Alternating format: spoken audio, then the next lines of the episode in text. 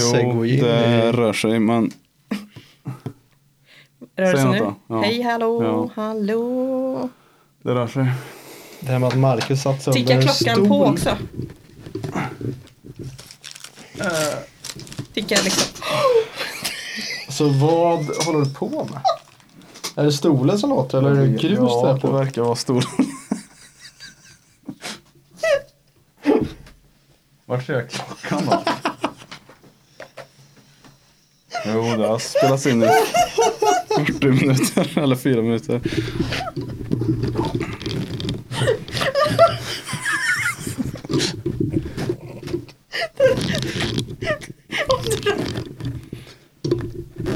Om du ramlar ner på golvet. Jag vet, det kommer säkert hända.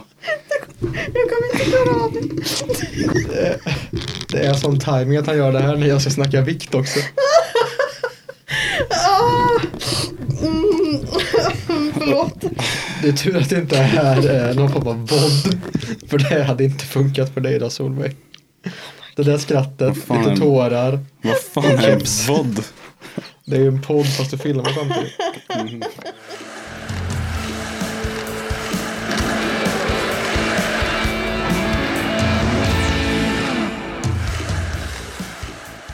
Hur är läget i Färjestad? Vilken identitet har laget nu efter en extremt skadetung höst och vinter? Och vad talar för att spelet ska lyfta?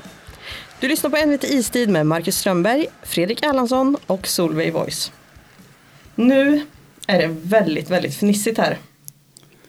Ja, Marcus har precis sönder en stol. Ja, det gjorde han. Och eh, har extremt stora problem igen med sin utrustning.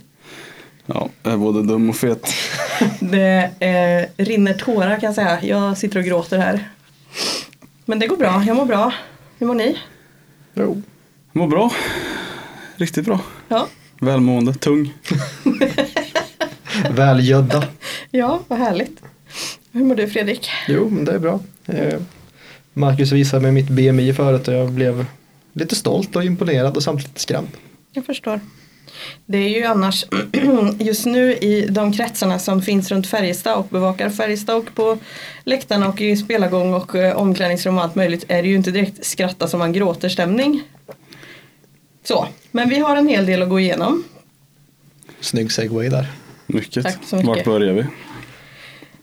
Vi kan ju börja med gårdagskvällen när vi spelar in här är det alltså onsdag.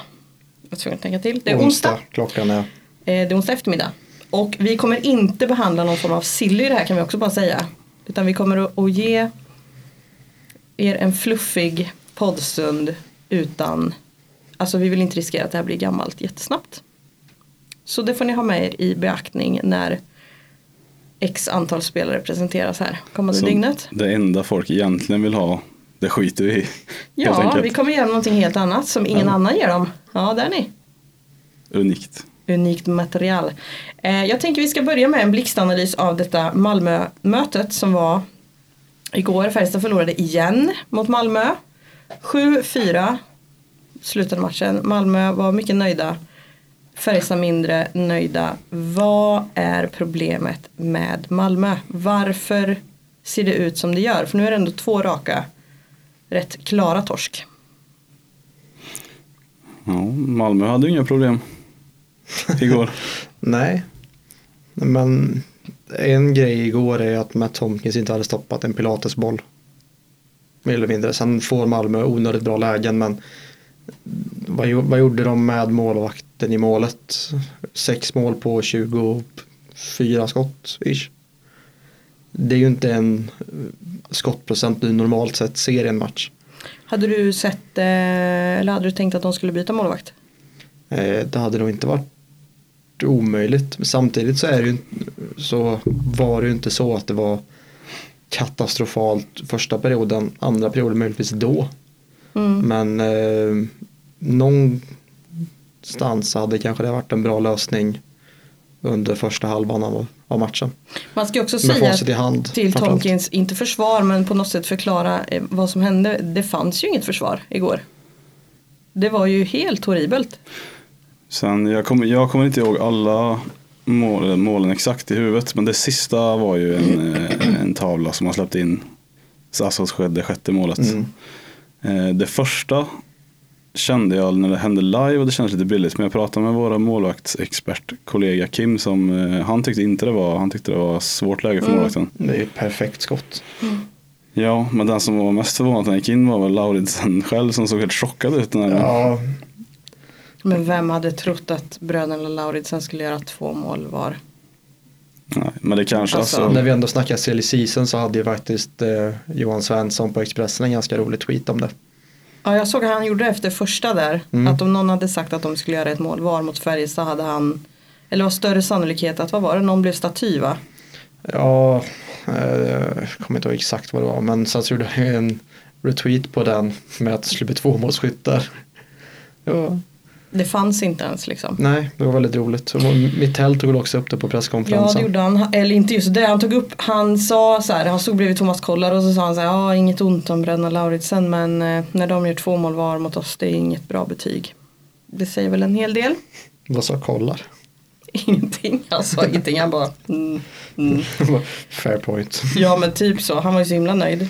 Ehm, ja, men Malmö har ju blivit det här eh, mardrömsmotståndet för Färjestad i år eftersom Malmö är ju byggt på ett annat sätt liksom. Det är ett tungt lag, de är jäkligt stora killarna. Det är inte som att Färjestad är minioner men det är ju betydligt tyngre än vad Färjestad har att sätta emot i alla fall just nu.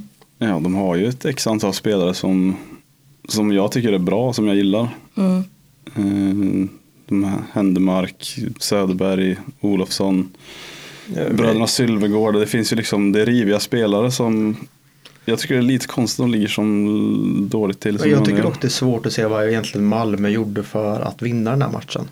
Alltså vad igen, alltså, jag tycker att Färjestad förde ju spelet.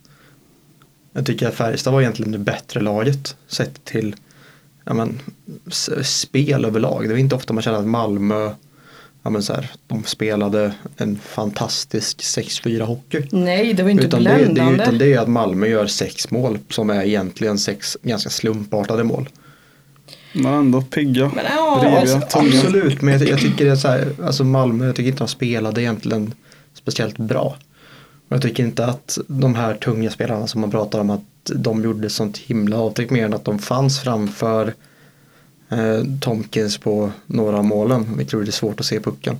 Plus att de verkligen blev serverade drömlägen liksom. Oh ja, alltså den 3-1 som Joel Nyström fick mot sig. Schysst. Kul, kul det var. Ja. Nej men alltså det är ju det, de blev ju serverade, de utnyttjade ju de misstagen som var rätt så Ja, det var ju en, enorma misstag en del alltså. Var det U16 Linus Johansson kallade dem? Ja, det var Ja. U16. Vi ska komma till Linus Johansson nu. Eller känner ni er färdiga med spöket Malmö? Vi kan väl summera det som, som för, så för Färjestad. Det är skönt att de inte möter Malmö mer i år. Och synd för Malmö då. Och Ja. sin sida som har åtta poäng upp till strecket. De hade behövt några matcher till mot Färjestad. Ja, Malmö känns som de kan bli ganska jobbiga ändå i en serie för något lag, vilket det nu blir. Det känns som ett på ett sätt som ett slutspelslag som kan Ja, men de, de, tynga kan, ner Ja. de de möter. Titta vad de gjorde med Växjö också. Ja, de kan nog gneta sig till fyra matcher i en playout. det känns lite så. Faktiskt. beroende på kanske vilka man, vilka man möter lite. Det känns som att det talar mer för om de möter Brynäs än om de möter HV. Som läget är just nu tycker jag i alla fall. Men ja, vi får se. Ja. Vi lämnar Malmö. Vi går vidare till Linus Johansson och eh, det som händer i Färjestad. Det är ju ändå flera matcher på raken här nu som det har blandats rätt så mycket i prestation kan man tycka och det tyckte Linus Johansson också. Vi ska lyssna på hur det lät efter matchen här. Det där var inte den starten efter uppehållet ni ville ha. Vad säger du? Eh, nej men det har legat och pyrt ett tag tycker jag ändå. Det är många dåliga insatser. Senaste, även när vi vann 5, 6, 7 raka, då var det så många dåliga insatser. Um, nej men jag känner väl inte riktigt igen oss. Eller känner igen oss, inte vad vet jag. Jag tycker vi spelar som ett eh, uh, U16-lag typ. Du säger att det har legat ett pyrt ett tag. Kan du säga när den här känslan började komma? Men känsla och känsla. Man tror att man ska komma... Vi har ju blandat jättebra insatser och sen har det varit jättedåliga insatser, bra insatser och jättedåliga insatser. Men är det inte eh, någonting som eh, man kan ta av under tio matcher i rad att det här är vi bra på så ligger man ju som sagt inte så bra till i hur vi uppträder. Mm.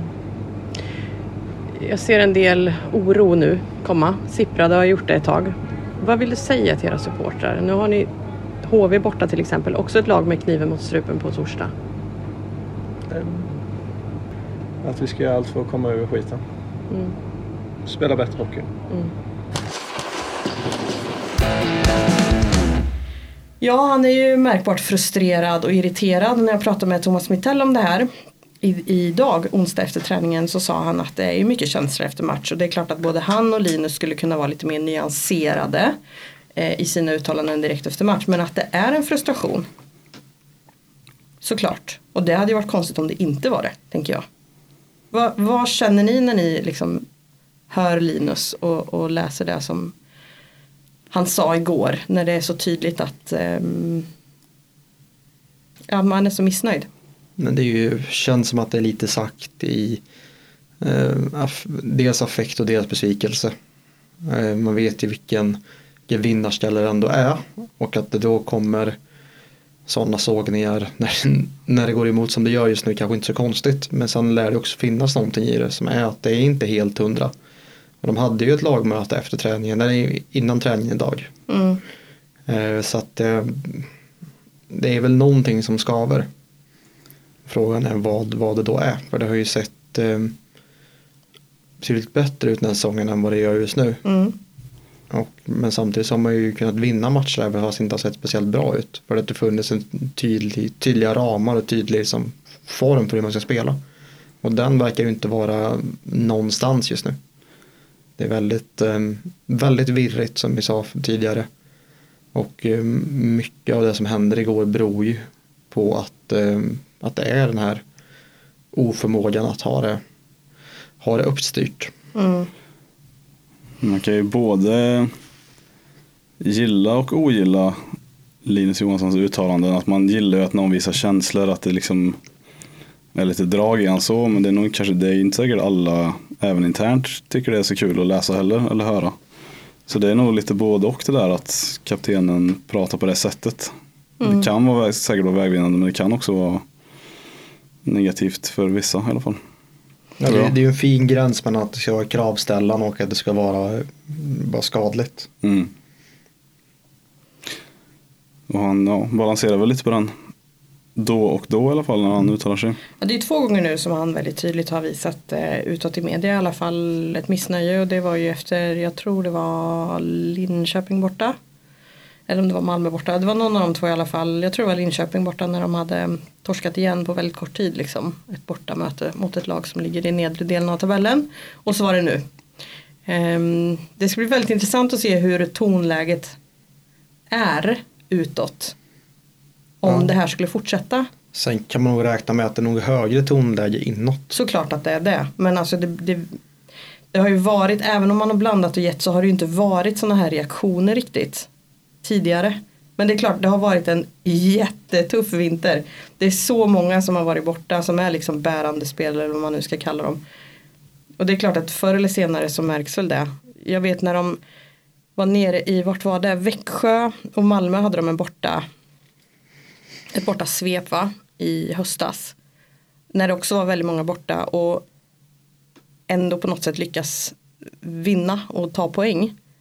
Jag tror de tog en poäng borta mot Växjö och då var det verkligen den här äh, kollektiva stoltheten att man ändå lyckas liksom trots det utsatta läget att man lyckas göra det. Och nu är det ju det är någonting annat. Just för prestationerna varierar så otroligt mycket. Ja, men, äh, som igår jag tänkte en- en stund där så här när Färjestad hade gått upp till 4-4 att jäklar ibland är de riktigt riktigt bra. Och så när man börjar liksom tänka en tanke så här, ja men ska det här bli en krönika kanske? Att man plockar upp det här och så har man vunnit. Så går det liksom en halv minut och så bara gör Malmö pang pang två mål. Alltså det var ju det var ju inte samma lag från ett byte till ett annat. Ja, men det, det, var, det var ju en konstig stämning i hallen i år. Visst var det? Det var Hela jättekonstigt. kvällen var, kändes lite udda och off på något sätt. Ja, det, allt kändes jätteknepigt. Jag tycker inte att dra någon slutsats av någonting, det var bara märkligt. Ja. Men nu blir plötsligt liksom de kommande matcherna jäkligt viktiga, det är ju väldigt lite kvar liksom. Ja, och det är ju stumt med tanke på som du pratade om, alltså det här när det var så många borta. Mm. Det är inte speciellt många borta nu egentligen. Alltså de flesta som har varit borta är- var ju tillbaka mot Malmö. Det var väl Lindroth var han med. Lindroth är med, mm, han var med. Ja. Åslund var med men klev av. Då är ju Björklund borta. Och, Och Remi Elli. och Ellie. Mm. Vi kommer väl komma till det snart antar jag men det är ändå inte så så, så himla farligt. Så tänker man ju. Men Det finns- vid- är det ju kanske tanke på det. vad som har varit tidigare. Nej men det är väl också om man tittar på vilka det är som är borta så är det ju inte kanske antalet utan mer kilorna. Men vi kommer till det. Ja, sen, ja, det är ju, finns ju gott om bra spelare kvar också. Som det glöms bort lite ibland när det har varit så mycket skadebekymmer. Men det finns fortfarande spelare i det där laget som, som är riktigt bra och borde kunna leverera lite mer kanske i en sån här kväll.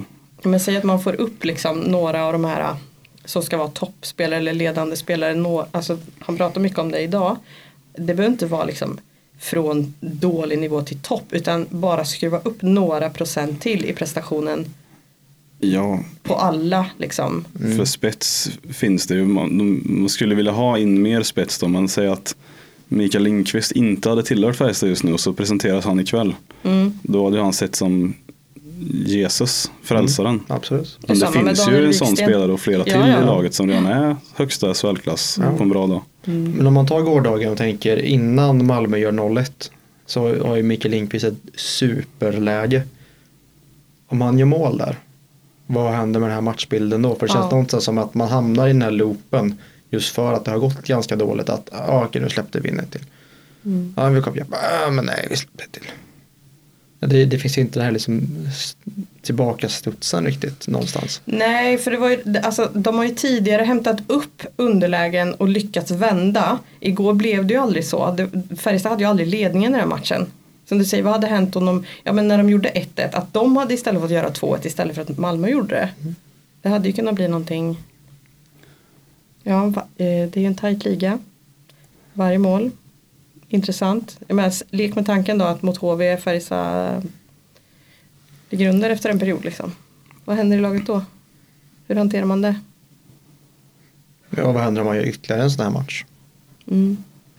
Det blir fokus på, alltså det, det blir ju snabbt så, man tänker ja men de ligger trea, de ligger ändå topp sex liksom. De har gått bra trots det här skadeläget som har varit. Men det är otroligt få poäng. Ja, man är en, Eh, en förlust egentligen från femteplatsen. Ja. Det är tajt. Anyway, vi går vidare. I slutspelet förra säsongen var ju Färjestad en fysisk maskin. Som liksom taktiskt malde ner sitt motstånd, ställde om hela tiden. Och i sina bästa stunder i år upplever i alla fall jag att Färjestad har kört på det här hittat vägar att vinna konceptet. Att man har haft en grundstruktur som man har fallit tillbaka på. Men vad har man för identitet nu? När säsongen går in i ett slutskede med grundspel som ska liksom avslutas. Och en slutspelsserie som ska ta vid. Hur ser ni på Färjestad? Vad har man för identitet? Har man en identitetskris? Nå, och, möjligen, men det känns som att de kanske letar lite efter den just nu. Eh, För de är ju inte den där fysiska maskinen som de var. Och det saknas väl egentligen material för att vara det också. Ja, det, de två vi var inne på tidigare saknas ju. Mm. De, de, de är ju, har ju den förmågan att spela den typen av spel. Och framförallt kilorna för det. Men någonting är det ju som, som skaver som vi var inne på. Mm. Har Färjestad blivit sönderlästa av eh, konkurrenterna? Jag tror att det är mer att energin kanske är lite låg efter de har tagit sig igenom de här skadeperioderna där det har gått tungt på många. Det ser ju ut som att vissa är helt enkelt är trötta. Mm. Mm. Det skulle vara, det är mitt, mitt bästa tips. Ja, jag, jag är nog också mer inne på mer tröttkörda än sönderlästa. Mm. Eh, Det båda ju inte gott för, för våren. Nej med tanke på också att Färjestad inte kanske har riktigt lyckats hålla en form av matchbild en hel match senaste tiden heller. Det är inte som att man har haft en typ av spel som har liksom genomsyrat hela en hel match. Ja, Frölunda tycker jag ändå var ett exempel där Och även Växjö när man vann den. Väldigt tajt match. Då var det väldigt strukturerat och disciplinerat och liksom Frölunda var väl mycket fart och, och så. Men de andra matcherna tycker jag inte man har känt igen Färjestad riktigt. Det har inte funnits den här röda tråden. Alltså fart, finess. Det har, det har varit som ett EKG. Mm. Upp ner, upp ner, upp ner. Tabbar, missar, fastnar i egen zon. Svårt att komma loss liksom. Men jag vet inte, det Samtidigt möter, har man mött lag nu på slutet som verkligen har kniven mot strupen och spelar med en enorm press på sig. Medan Färjestad, jag ska inte säga att man är inte bekväm för det upplever jag inte att man får det intrycket när man är där ute och träffar dem. Men det, det pratas ju mycket om det här, men vi ligger trots allt trea. Och det ger ju ett väldigt bekvämt intryck de prestationerna som de inom stattecken levererar. Så det, ju, det ser väldigt bekvämt ut för dem. Och, det, och fram tills nu har väl egentligen tabelläget varit ganska bekvämt. Jo, men man, på ett sätt, för de har haft ja. lite marginal men nu är det ju inte så mycket kvar av. Nej. Ja, men och det här med som att det ser så bekvämt ut, det, det avspeglas ju också i hur man spelar. Men mm. det är ju inte ofta man går in och vinner närkamper mot Malmö. Eh, alltså gå in och verkligen köra över någon som Victor Isell ska kunna göra, brukar mm. kunna göra. Mm. Så det, det är ju det är någonting där som är Letar efter en identitet, letar efter en Den tror jag finns, det är nog bara att man saknar egentligen det här självförtroendet lite just nu. Mm. Att det är den där studsen som ska gå med i början på matchen där Mikael Lindqvist skott. Sitter mm. den, då är det en helt annan match, jag är övertygad om det. Det blir faktiskt väldigt intressant nu att se hur de tar sig an resten av uh, den här veckan. Det skulle ju på förhand kunna varit en vecka där man faktiskt säkrar topp 6 om man kollar på vilka man möter. Um, nu kan det ju istället bli veckan där man blir indragna i, i den striden på riktigt istället. Ja, och tittar man på vad man har kvar då för Färjestads del de sista omgångarna i grundserien är otroligt, otroligt tuffa. Alltså Skellefteå borta. Vi vet ju alla som har följt Färjestad senaste åren, det är ju inte en lek liksom. Det är ju inget lag såklart som är det, det är inte det jag säger. Men det är liksom Luleå, Skellefteå, Frölunda borta. Leksand, alltså det är ju det är riktigt tuffa matcher. Spännande, fram med popcorn. Ja, vad talar för att det ska vända då för Färjestad? Ser ni någon ljusning? Det är ju att det finns i laget. Det har vi ju sett mer eller mindre hela säsongen att det finns ju den där nivån. Jag tycker det är många som inte har kommit upp i den nu på slutet. Tycker sen han kom tillbaka från skada tycker inte att Lennström riktigt har varit har varit där. Eh, prata på, finns det ett jävla sparkapital i Micke Lindqvist. Eh, det är många, alltså det, det, det, det finns liksom ytterligare en nivå som inte är omöjlig att nå. Det känns lite som att en person som skulle kunna göra en Victor Ejdsell från förra säsongen. Han var ju inte den hetaste efter grundserien. Men blomstrade liksom. Han tog ju för sig, han gjorde viktiga mål och, och ja, men han blev ju en riktig slutspelsprofil. Daniel Viksten. Knäpptyst. Knäpptyst, oj vilken respons jag får. Men helt ärligt. Han har ju inte haft den bästa säsongen. Han har haft superproblem med sin fot. Han har haft problem att liksom hitta tillbaka i spelet efter den skadan. Gjorde ändå ett par mål här för någon vecka innan uppehållet. Mm. Han har väl inte riktigt varit eh, den han en gång var ända sedan Mittell tog över eller? Men det är väl en nätt, alltså han, han hade väl någon, någon streak där på ett och ett halvt år ungefär. Han var liksom bästa målskytten i SHL. Mm. Det skottet är ju fortfarande kvar. Mm. Det är bara att den här känslan med det inte riktigt sitter där. Nej, det, det känns verkligen som en självförtroende fråga för honom. Alltså, som du säger, kvaliteten försvinner ju inte bara över natten. Ja, liksom. Men, att det skottet sitter en halv meter till vänster och inte en halv meter in i målet till exempel. Att det sitter i krysset och inte i magen. Det är ju inte det har ju inte att göra med att, uh, att han helt plötsligt har tappat skott utan det är ju garanterat en självförtroende grej. Han skulle behöva avgöra en match på straffar också. Där är han ju bra. Det vet man ju, det såg man ju. Var det Timrå? Han klev in och tog en av straffarna. Ejdsell gjorde väl det avgörande men han gjorde ju straffmål som var jäkligt viktigt för honom. Absolut. Ja men där, där får ni en liten spåkula ser ni. Varsågoda. Ja, men det är väl inte så dumt. Det är ju en spelare som definitivt kan, kan mer. Finns det någon annan sådär som ni ser just nu är på väg åt rätt håll? Som ni ser en liten ljusning, en liten revival? Men jag har bara gårdagen i huvudet. Det är svårt att säga någon Jag då. tycker Marcus Joel Nilsson. Nyström. Joel Nyström, absolut. Fast i och för sig inte så mycket revival. Han har varit ungefär sådär bra offensivt hela. Ja men just nu är han ju Färjestads bästa back. Ja, jo. Men det, det var ju även för en månad sedan. Sant, men ja, hans, hans formkurva är i alla fall inte på väg ner. Nej. Vad sa du Marcus Nilsson? Mm. Jag tycker han har varit bra på slutet. Ja, absolut. Peppe Lund tyckte jag rörde på sig hyggligt igår jämfört med många andra. Men det kanske inte är den spelaren man vill ska sticka ut positivt på något, om man kan säga så heller. Ja, han är otroligt bra i sin roll. Han är ju det. Men det är väl kanske inte den man först kollar till när match ska avgöras. Så är det. Nej men han är ju jätteviktig på många andra sätt tänker jag. Även för de Absolut. här icke-bärande spelarna som inte har så mycket rutin är ju han Går han in och köttar och verkligen gör allt han ska så Förhoppningsvis så smittar det av sig på de andra tänker jag. Jag även backat till um, vilken match var det när eh, Lukas Forsell tog hyllade honom. Det är nog inte bara Forsell han har den, den effekten på. Nej. Men menar, det är ju den som har spelat, jag tror typ näst flest matcher i SHL i hela laget. Ja det är Han väl är, han, han är väl en bit över 400. Det är väl han och Åslund som är väldigt sådär ah, En väldigt fin hyllning för övrigt. Ja, det känns det var väldigt, från väldigt- hjärtat. Ja, verkligen. Jag tror Peppe själv är lite förvånad över det Ja, han blev, man blev det lär ha varit kul för honom att, att höra den ändå. Ja, verkligen. Nej, men han är ju väldigt Han spelar ju hela tiden med hjärtat utanpå kroppen liksom känns som. ja. Utanpå kroppen, utanpå, ja skit. Ni vet vad jag menar. Ja. Det känns väl som en sån spelare man kan förlänga med efter säsongen. För Det är väl Absolut. utgående kontrakt va? Det är utgående kontrakt. Ett år till där är väl inte omöjligt. Ett plus ett. Ja, mm. skulle kunna vara. Mm. Sen tror jag också det här med att Remy Ellie dag för dag kommer närmare en comeback. Det skadar nog inte heller. För det har vi pratat om att det är, det saknas ju kilon.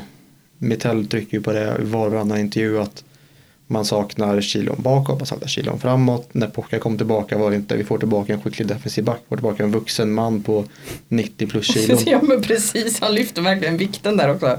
Och det har, ju, det har man ju, har man ju märkt med Mittell att det är ju väldigt viktigt för honom att En de- vuxen SHL-spelare som väger över 80 kilo. Det är Ja. liksom något han använder hela tiden.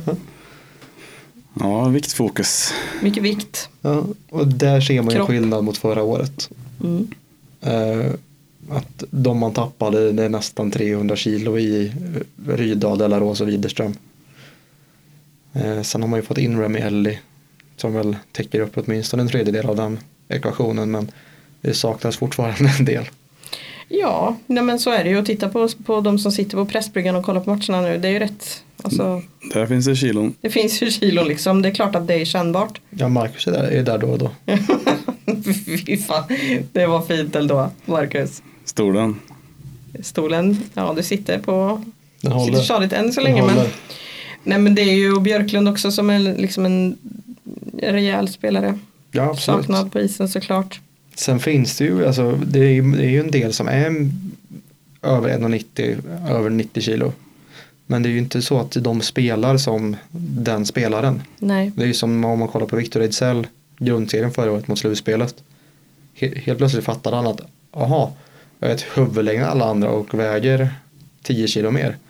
Det kan jag utnyttja. Men det är ju Det en sån som person som om- skulle kunna liksom switcha på en Ja, vet, Erik, vad heter det? Ehm, Engstrand. Ja, Skulle han få samma uppenbarelse så kan jag ge mig fasen på att det skulle vara betydligt mer fysspel än honom. mm. Nu är han tror jag fyra i den interna tacklingsligan. Men eh, det skulle kunna vara ännu mer för igår var det ingenting. nej.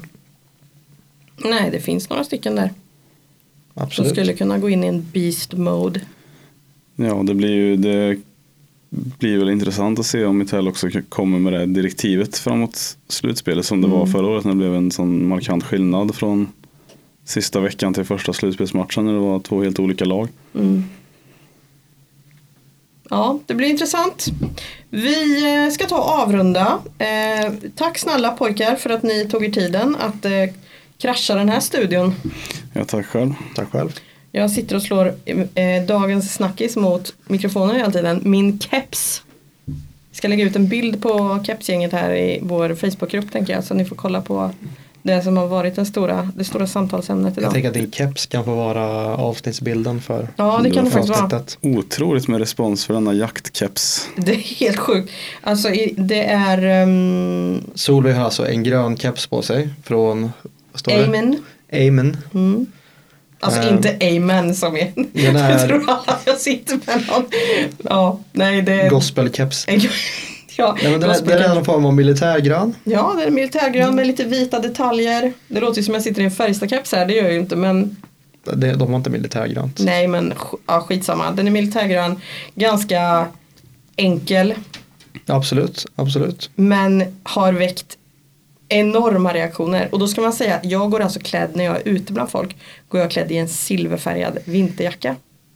Den väcker Och inte Och reaktioner. mycket annat suspekt. Ja, mycket, Sant, mycket sant, annat sant, suspekt. sant, Det, är- sant. det, är ju, det är ju rosa tröjor, det är gula jackor, det är Ja, men en grön jäkla keps liksom. Jag har aldrig varit med om maken. Jag, det är det enda jag har hört här. Så tänkte jag, ja men nu kommer jag ändå ut till Löfbergs Arena. Där går ju varenda människa i keps. Vad får jag höra av Thomas Mittell? Första orden efter Malmö. Har du keps på dig? Ja. Ja, säger han då. Inget mer. Alltså på riktigt, vad är det här? Nej, får fortsätta. Det är ett tydligt statement. Ja, jag tror att jag börjar känna mig som som- du Marcus. Det är ju så här, kvinnor synkar ju sina menscykler. Du och jag har synkat nu våra outfits. Ja, ja. Mm, Det kommer bildbevis, ni får se. jag tror det kan vara första gången ordet menscykel dyker upp i en hockeypodd kanske. Ja, det är inte omöjligt. Jag tror att Solveig är bland de första kvinnorna som deltar aktivt i en hockeypodd också. Så du, du bryter många barriärer. Unikt. Tack, vad fint. Jag känner mig stärkt av detta samtal. Du bär keps, du pratar bär om menscyklar i en hockeypodd. Ja, det gör jag. Ja, nej men tack för detta då. Det här var ju ett toppklass. Ska vi ta menscykel i eh, rubriken kanske? Menscykel och keps. Ja, det kör vi Ja, det på. är bra. Tack för att ni har lyssnat på denna kvalitativa högstund med eh, Amin Caps och liknande. Ni har lyssnat på En tid med Marcus Strömberg, Fredrik Erlandsson och Solveig Caps Voice. Ansvarig utgivare Mikael Rotsten. Vi hörs snart igen. Hej! Hej.